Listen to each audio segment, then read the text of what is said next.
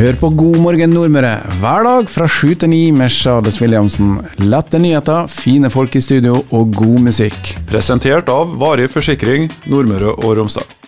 Ei drøy uke og ei helg så er det rett og slett eh, siste mulighet til å stemme på valget i Kristiansund og resten av Norge. Det er da var det ikke til både kommunestyre og fylkesting, og her i Kristiansund så skal vi jo få et nytt bystyre. Og i den anledning så har jeg med meg Sigve Torland fra partiet Rødt. Du er jo da ordførerkandidaten, sjøl om det satt litt langt inn å innrømme det offentlig.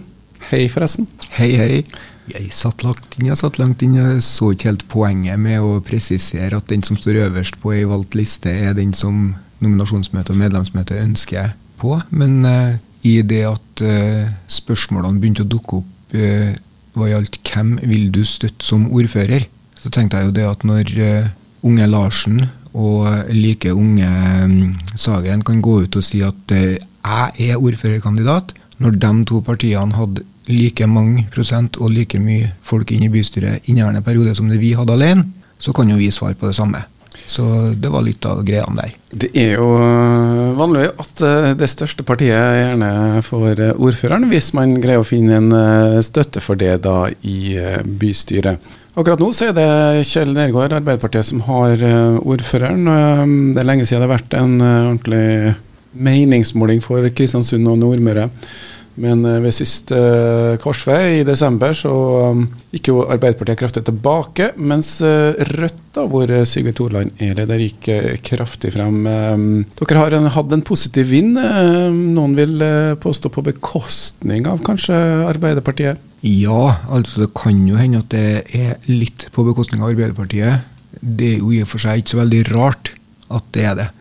Der Arbeiderpartiet skulle være sosialistisk og ut på venstresida, så har de jo blitt dratt mer og mer inn mot det merkantile og det administrative, og fremstår jo, i hvert fall i mitt hode, mer enn før som en ren eh, administrativ organisasjon. Og det er jo en utfordring når det skal være en politisk organisasjon. så må jeg bare arrestere deg på én ting. Nå. Jeg er ikke leder i Rødt. Jeg er førstekandidat på lista, men eh, vi har fortsatt samme leder som vi har hatt eh, noen år tilbake her i Kristiansund. Som er? Stein Kristiansen. Det, jeg tør ikke si det nå, for å i tilfelle jeg sa jeg feil. Neida. Det er Stein Kristiansen. Han ja. Eh, er jo på lista, han òg. Absolutt. Og mm. absolutt en, en, viktig brikke i, i Rødt Kristiansund og det vi holder på med. Ok, så tar vi forrige valg. Da hadde de også framgang. Eh, og det er jo den eh, de kanskje bygger videre på. Resultatet fra den gangen var jo en framgang, og ikke minst da 7,9% av stemmene her i Kristiansund, og det bidro til at de kom inn med fire representanter i um, bystyret. Noen forventninger til årets valg? Ja, eh, det har vi. Eller jeg, vi. Eh, vi forventer at folk eh, har vært våken. Vi forventer at befolkninga i Kristiansund og for så vidt hele Møre og Romsdal følger med på den utviklinga som foregår, og at de òg ser den rollen som vi har spilt de siste fire årene. Fordi ja, vi kom inn med fire representanter i eh, bystyret for fire år siden. Ingen av oss har sittet som veggpryd. Ingen av oss har sittet stilltiende og kikka på. Ingen av oss har stemt i medvind bare for å gjøre det. Altså, vi har stått på for dem vi har sagt at vi skal stå på for. Vi har kjørt de sakene som vi har sagt at vi skal kjøre. Og den sosiale profilen som vi har flagga at vi skal holde, den har vi holdt på hele veien gjennom. I absolutt alle vendinger. I alle vedtak. Og vi har også da vært med å ikke bare fremme sjøl forslag, men også fått være med og stemt gjennom gode forslag som handler om det med å ta vare på innbyggerne våre i Kristiansund. Det var integriteten. Nå skal vi se litt på saker. Noen saker som peker seg ut som eh, veldig viktig sentral eh, neste fireårsperiode. Kristiansund, da? I Kristiansund så har vi pekt på det store bildet som handler om hva er det kommunen involverer seg i. Hva er kommunens hovedgeskjeft? Hva er det vi skal gjøre i kommunen? Skal kommunen drive med eiendomsspekulasjon? Skal kommunen drive med utvikling av næringsarealet til potensielle næringer som vi ennå ikke vet hva er? Skal kommunen eh, drive aktiv aksjehandel for å ha best mulig vilkår hele veien? Hvor mange ulike organisasjoner, AS-er, interesser er kommunen involvert i. Der har vi lagt ut en interpellasjon til bystyret, hvor vi eh, ber om en full gjennomgang, slik at eh, neste bystyre har et godt utgangspunkt for å kunne være med å fatte beslutninger hva gjelder økonomien til kommunen. Fordi det opplevde jeg faktisk at vi ikke hadde når vi kom inn for fire år siden. Du får servert ei smørbrødliste med eierporteføljen eh, uten at du egentlig ser og forstår hva det er for noe i det.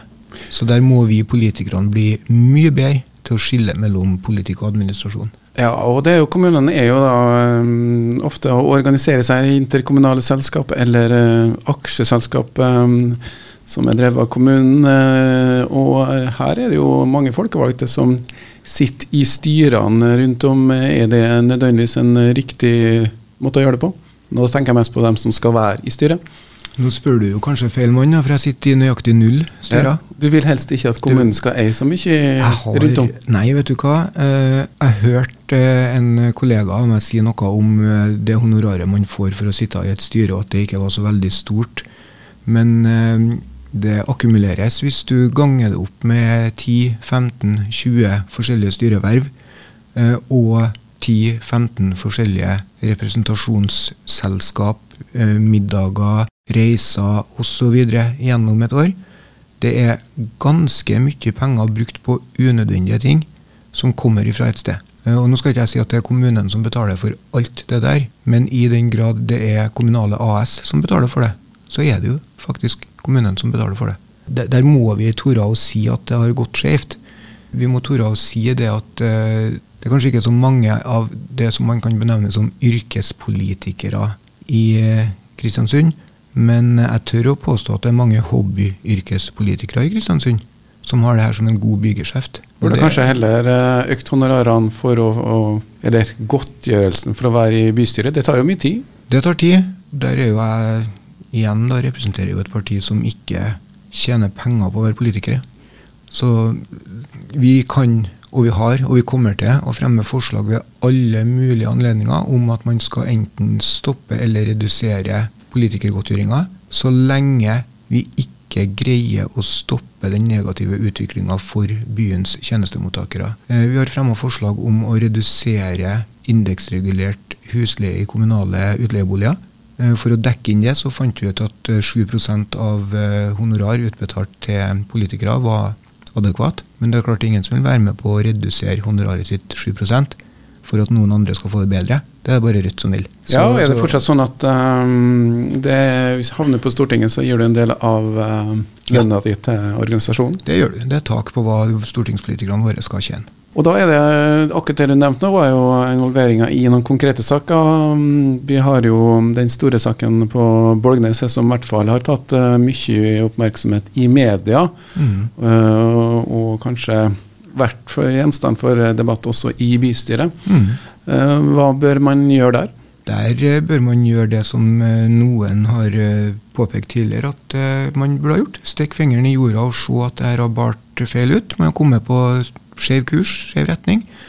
Eh, og så rett og slett bare ta opp fingeren uten all driten som henger fast, og starte på nytt igjen. Eh, det er lov å innrømme at man har tråkka feil. Det er lov å si det at man hadde en tanke og en visjon, men den bar ikke fram. Og det er lov å si det at her har man eh, behov for å stoppe. Og da er ikke vi engang i nærheten av å snakke om de merkelige avtalene som er inngått, og de ja, forbindelsene som er der, det, det får jussen ta seg av. For, det, for meg som lekmann så høres det der helt merkelig ut. Eh, det blir jo som om at jeg skal komme hjem til deg og si det at uh, du kan ikke jeg få lov til å grave litt ute i hagen din. Uh, så skal jeg sørge for at du får noen rosebusker og litt trær etterpå hvis jeg får grave litt. Og hvis du finner gull, så tar jeg dem? Hvis jeg finner gull, så tar jeg jo det. men Altså Hvis jeg ikke begynner å grave, da, hvis ikke jeg blir noe greving i det hele tatt, så kan jo, noe, kan jo, du få lov til å betale meg et par millioner. Så er vi sikre på at saken er ute av verden ikke sant, uten at det blir noe krøll. Og så kommer jeg til deg i morgen og så sier jeg at nei, grevinga blir ikke noe, så bare få pengene. Takk skal du ha. Vi snakker om et område som er regulert i næringen, Det er vel kanskje greit at eh, kommunene eh, bestemmer? Eller politikerne? Reguleringa er det veldig greit at politikerne er med og bestemme. Derifra ut så bør noen andre ta over, tenker jeg da. Og så er det jo også sånn at eh, innenfor det politiske så har vi jo heldigvis muligheten til å foreslå, komme med innspill på omreguleringer og endringer i planer.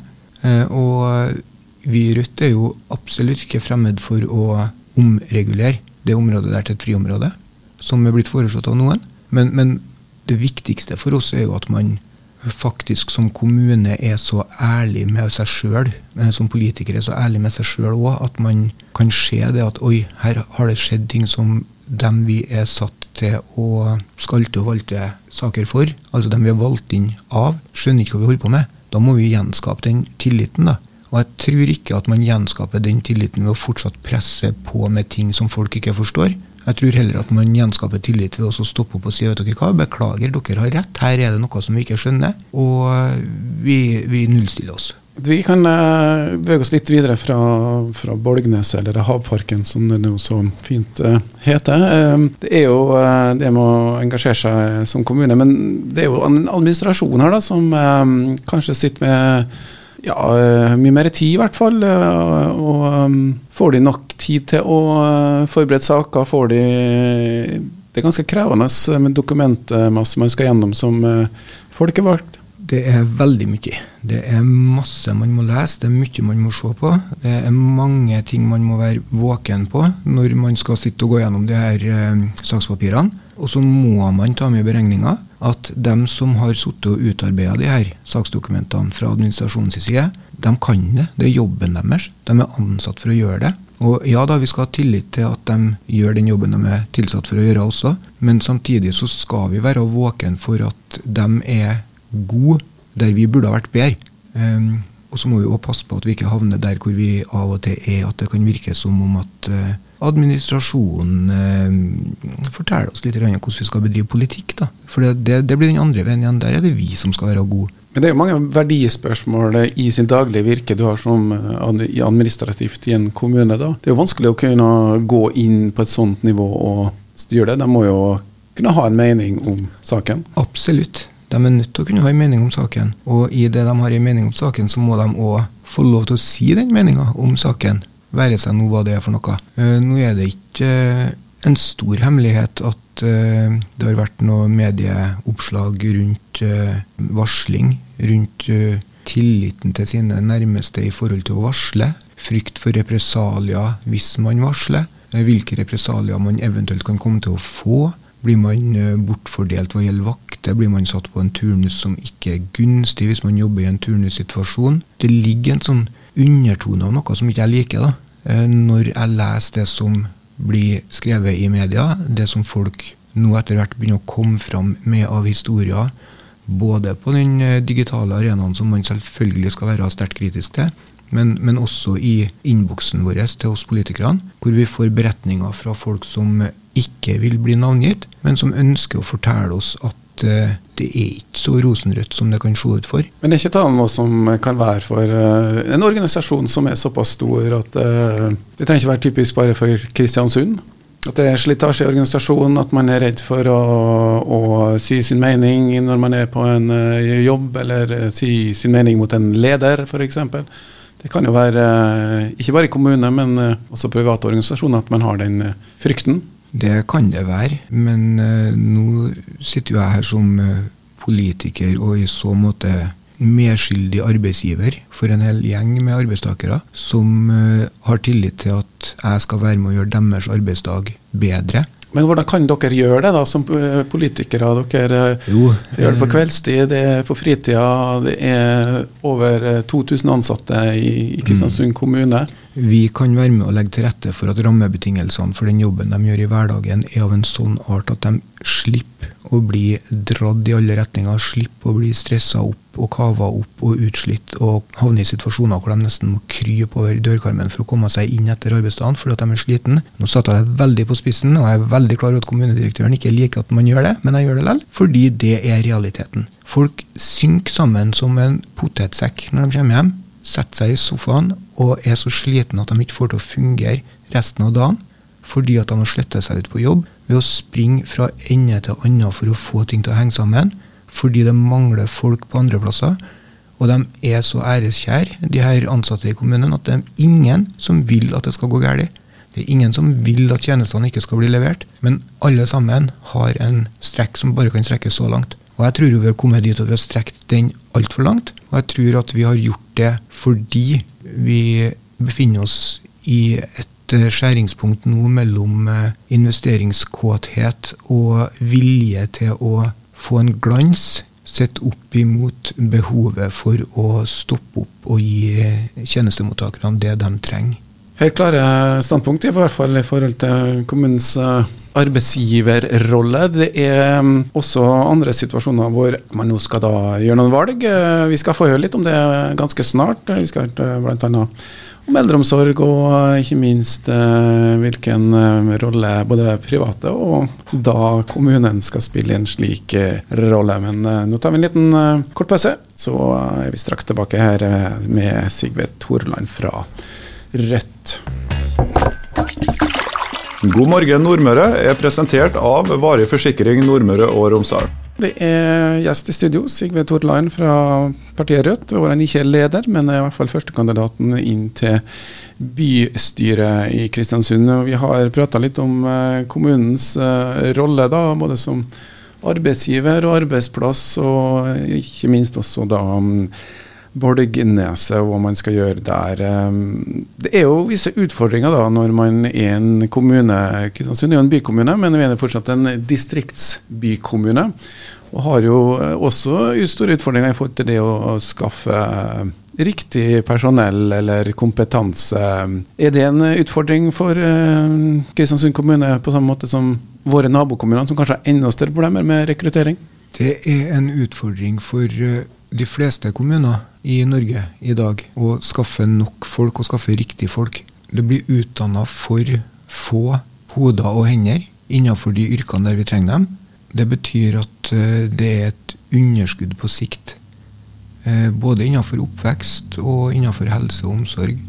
Innenfor eh, de merkantile næringene. Innenfor verftsindustrien, innenfor ja, offshore, det som er der.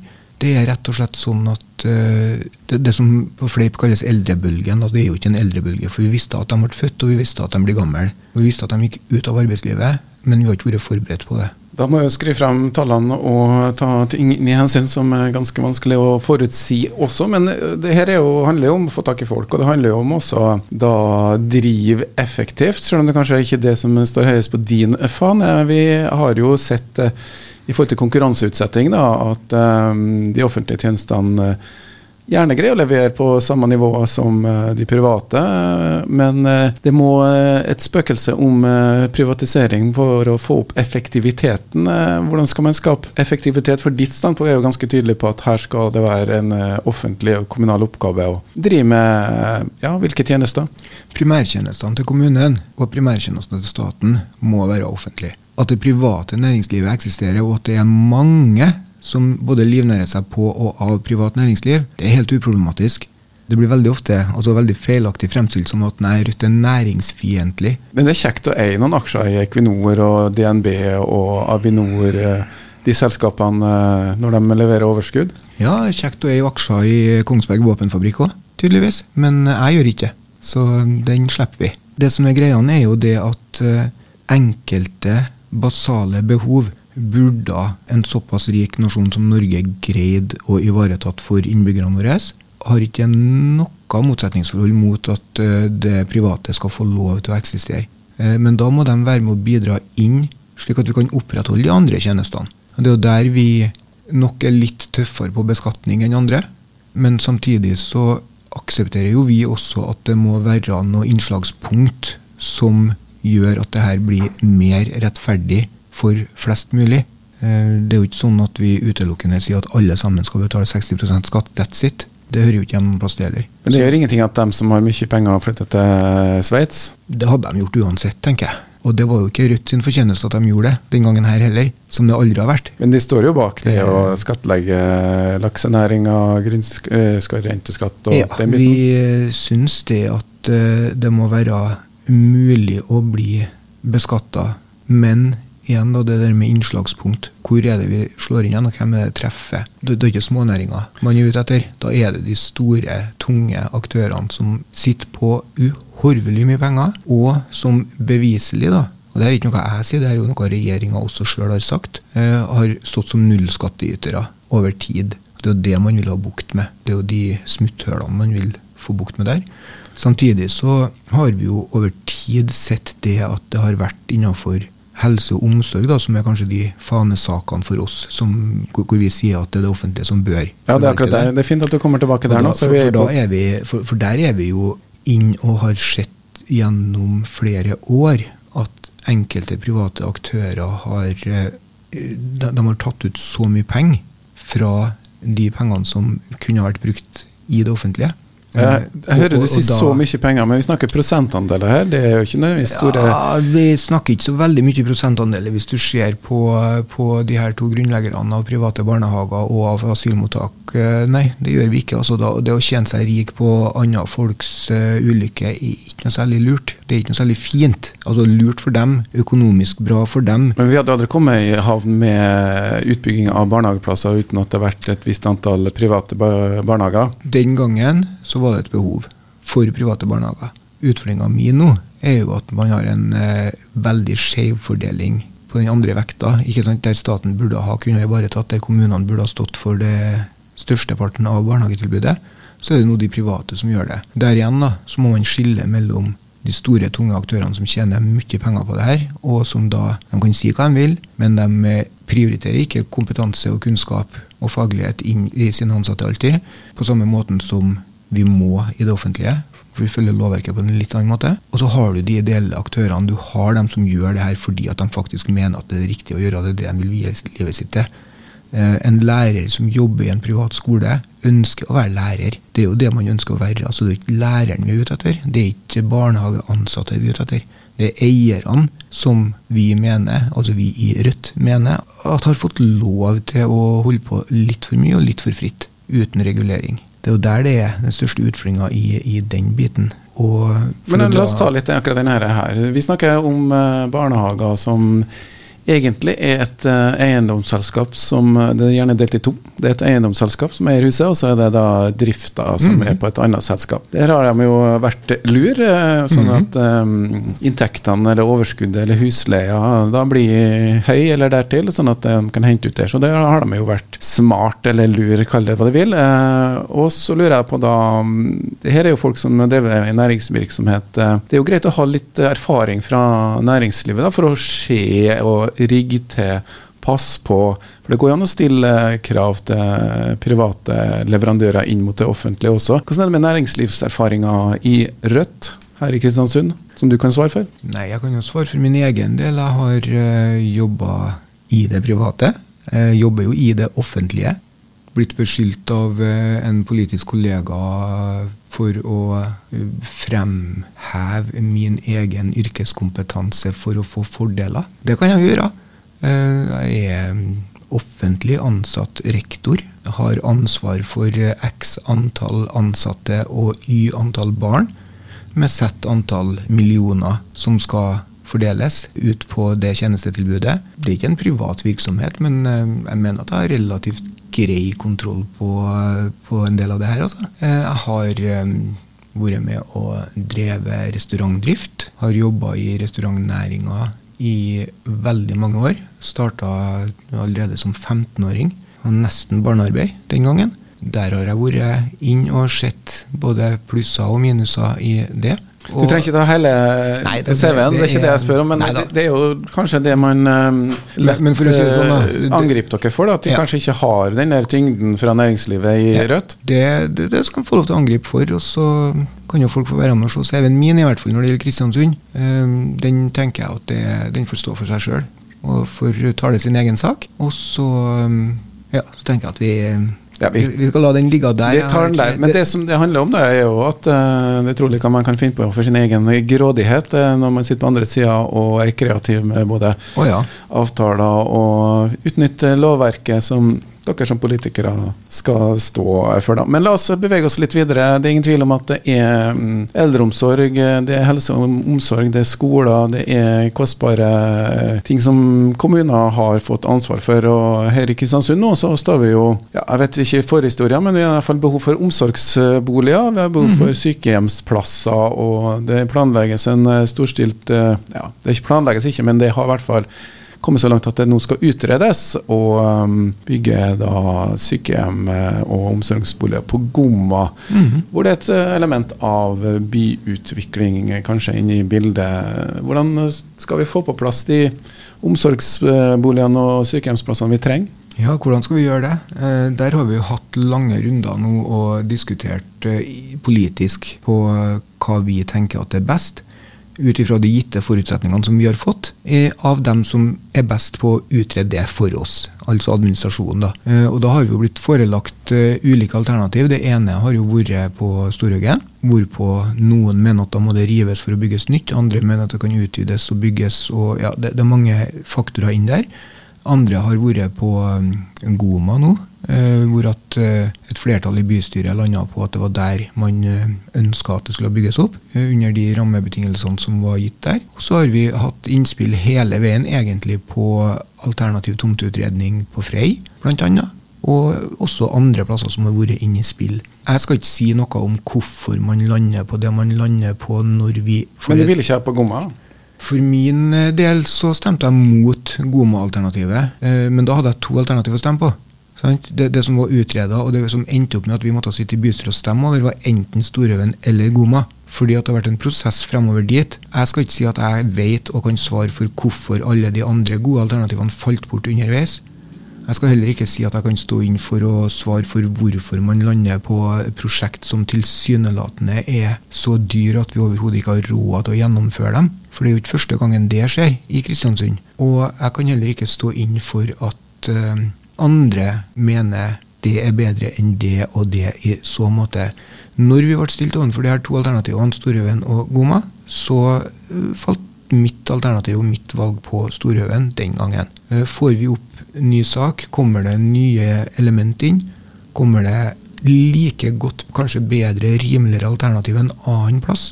Eh, Pga. den økonomiske situasjonen vi står i i dag, så må vi ta høyde for det, så må vi ta det med oss. Vi må nødt til å tore, som jeg sa tidligere her i dag, tore å stikke fingeren i jorda og se at ok, nå er vi på feil vei. Men det er jo akkurat det som brukes argumenter. Nå har vi jo satt i gang en prosess. Nå er det mm. satt i gang et planarbeid. Man blir ganske involvert i sine egne beslutninger og sine historiske beslutninger. Har man egentlig rom til f.eks. kjøre to løp og sånne ting, eller er det bare snakk om vilje? Det er litt avhengig av hvem det er som kommer med tankene og forslagene, tenker jeg. Noen ganger så får du høre at man må kunne ha to tanker i hodet samtidig når det gjelder sykehus og DMS, eller ikke. Eh, ja vel, greit. Men da må man kunne ha to tanker i hodet samtidig når det gjelder sykehjem og plassering. Da må man kunne ha to tanker i hodet samtidig når det gjelder skole, når det gjelder innfartsvei, infrastruktur i Kristiansund.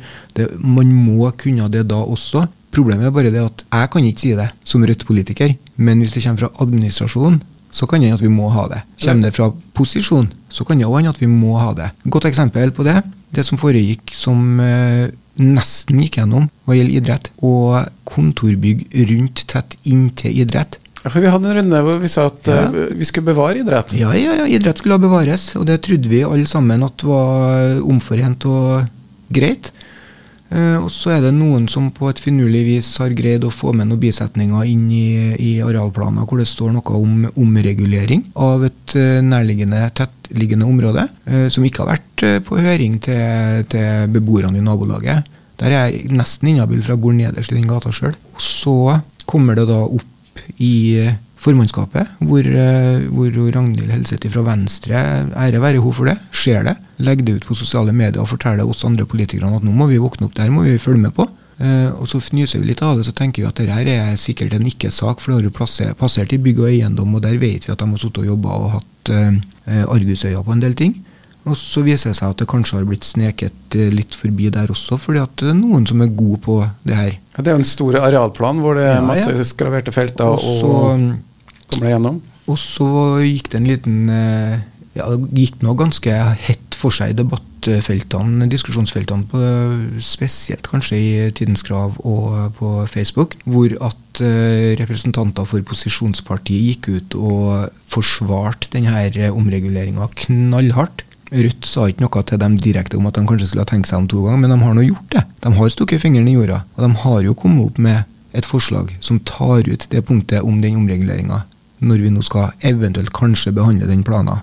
For nå vet jo vi som var på debatt tidligere i uka her, at uh, det kommer et forslag om uh, utsettelse fra Høyre på den saken, som da må behandles. Her er jo et sånt eksempel på at uh, da har nok mange nok påvirka på riktig nok måte, sånn at dem som sto og forsvarte, og virkelig forsvarte denne omreguleringa for tre uker siden, nå sier at nei, nei, det var feil. Nå skal alle bevare idrett. Så nå skal vi bevare idrett. Og det er jo vi glad for, for vi var først ut med å si det. Etter at vel å merke Ragnhild Helseth fra Venstre, og hun skal ha den. All ære til henne for det, at hun så det og sa det. Tar ikke fra folk det. God morgen Nordmøre er presentert av Varig forsikring Nordmøre og Romsdal. Noe helt annet nå eh, det er mange, Vi kunne ha prata lenge om det her, men la oss se litt fremover også, eller egentlig bakover. Fordi at uh, vi har snakka om en innfartsvei. Mm. Eh, til Kristiansund. Eh, det er noe med at det er 1200 biler eller 1800 biler i døgnet, og da må man ha en eh, ja, tofeltsvei fra Løkkemyra til Nordlandsbrua, eller firefeltsvei heter det egentlig. Hva gjør man der? Er dere for bompengefinansiering? Er dere for innfartsvei? Nei, vet du, den, det med bompenger er Det er jo kanskje den mest usosiale beskatninga vi har. Men det får jo bilistene til å kjøre mindre hvis det er dyrt å kjøre på visse tidspunkt f.eks., eller at det koster penger? Hvis du har eh, fire, fem, seks unger som skal på fire, fem, seks forskjellige ting i løpet av en dag der, og bil er det eneste alternativet du har fordi kollektivtransporten ikke er utbygd, eh, og du sliter økonomisk fra før av, så er det her et problem. Er du en eh, minstepensjonist som har behov for å ferde litt frem og tilbake for å få, få ivaretatt dine altså primærbehovene dine, noe ting, men for å få treffe folk, så vil det her også slå skjevt ut, for det er ganske kostbart. Men vi kunne ha kjørt sånn uh, rushtidstrafikk. Vi kunne ha kjørt én uh, mann i bilen, betale mer enn kunne hvis det fylt opp. Vi kunne ha lært oss opp å kjøre en uh, tofeltsvei i en retning, altså firefeltsvei òg. Vi, vi, kunne jo brukt Kaibakken som øvingsbane for å se etter om vi faktisk mestrer det å kjøre på en firefeltsvei. For det er ikke jeg så sikker på at vi gjør. I hvert fall ikke når en møter en flaskehals av en tofeltsvei. Så bompenger skal vi ikke ha? Nei, vet du, bompenger er vi Men uh, vi har jo noen trafikksikkerhetsmessige utfordringer yes, her, da. Vi har et kryss, og vi har enda et kryss. Vi har et kryss på Rensvik som uh, har vært prosjektert mange ganger, og det har vært planlagt mange ganger, det har vært tenkt mange tanker, og hvorfor det ikke har kommet rundkjøring der ennå, det vet jeg ikke. Det var gjort forsøk med stoppskilt som ikke fungerte, det har vært forsøk med mange forskjellige typer reguleringer her få på plass ei rundkjøring og, og, få tak i altså Få Stig Anders Orvik, da, som er trafikkskolelærer, få han til å lære oss opp til å kjøre rundkjøring skikkelig. Så tror jeg vi skal klare å få til den. Så kommer vi videre nedover. Veien er bred nok og fin nok, den. Kommer vi til Seivika-krysset, så tar vi en tilsvarende variant der. Det er vel gangbro over eh, fra nedover Rensvikbakken også. Med, det må vi ha. Det, må vi, altså det, det, det, er en krysning der som kommer. Ja. Uh, og så må vi ha ei rundkjøring i Seivikakrysset, for det også begynner å utkrystallisere seg som et ganske farlig kryss. Det, det, er en del trafikk inn og ut der. Uh, men det er klart, får vi en bomring, så vil vi jo effektivt sette en stopper for det. da. Men, men det, er nå den biten Og så er det en skole på skal, Goma. Ja, nå skal denne veien skal jo skjære høl i et friområde som brukes av mange på Nordlandet. Jeg ser ikke helt poenget i det som er planlagt og tenkt der. Eh, og så tenker jeg det at hvis det er sånn nå da at Statens vegvesen virkelig mener at den riksveien skal være så stor og så fin og så brei, da kan de finne midler til å gjøre det for egen maskin. Og det er litt sånn det, det er litt greiene der da, at det, det, da kommer de å pålegge kommunen utgifter ut, som, som, vi er nødt til å hente inn penger til via en usosial beskatning, som da treffer feil for våre dem vi skal ivareta. Vi, vi, går til valg på at vi skal si nei til bompengefinansiert uh, innfartsvei. Det betyr ikke at vi sier nei til en oppgradering av innfartsveien, men det må være på andre betingelser med andre Eh, Du vil ikke ha den uh, skjæringa gjennom Nordland iallfall?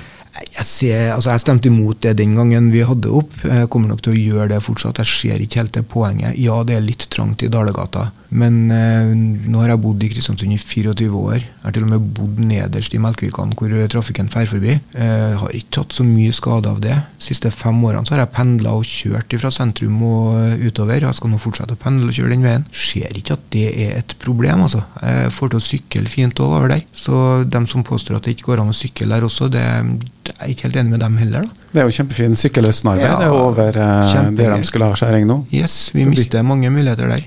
Så, så jeg tenker at det, er, det, det blir litt sånn feil. Man, man har eh, tenker at det er en, en liten sånn er det en liten sånn uh, småbysyndrom at vi vil være større enn det vi er? tenker jeg av og til. Har vi lyst på mer enn det vi trenger? Er, er det det som er greia? Jeg vet ikke helt hvorfor. Også, også det å argumentere med at Molde skal ha en firefelts vei tvers gjennom byen sin, det, det, er ikke relevant for meg. Det er fint for dem i Molde hvis de ønsker å ha det. Jeg er ikke helt sikker på at jeg ser poenget der heller, men uh, de har i hvert fall mye mer rettstrekninger enn oss å ta av. Men nå har det jo vært litt endringer. Du, vi snakker jo om eh, biltrafikk her, eh, og 80% av dem som kjører langs veiene våre, er vel egentlig matpakkefraktere. Det med å redusere biltrafikken, eh, der har det jo Du nevner jo det med kollektivtilbudet. Endelig så har eh, ja, skulle si endelig er Sundbåten gratis, eller i hvert fall så ser man hvor viktig eller hvor godt bidrag det kan være. Det var et godt forslag når det kom. Ja, Skal du si at det var du som gjorde det? Nei, jeg skal ikke si noe. Jeg skal ikke ta fra noen noe som helst, men eh, det går an å gå etter i sakspapirene og se hvor forslagene kommer ifra innimellom. Det går an. Men vi er en eh, by ved hav med på øye. Nå har vi brukt eh, 80 år på å bygge eh, bilveier, mens vi har hatt en eh, ja, mer enn firefelts eh, sjøvei vi kunne ha benytta.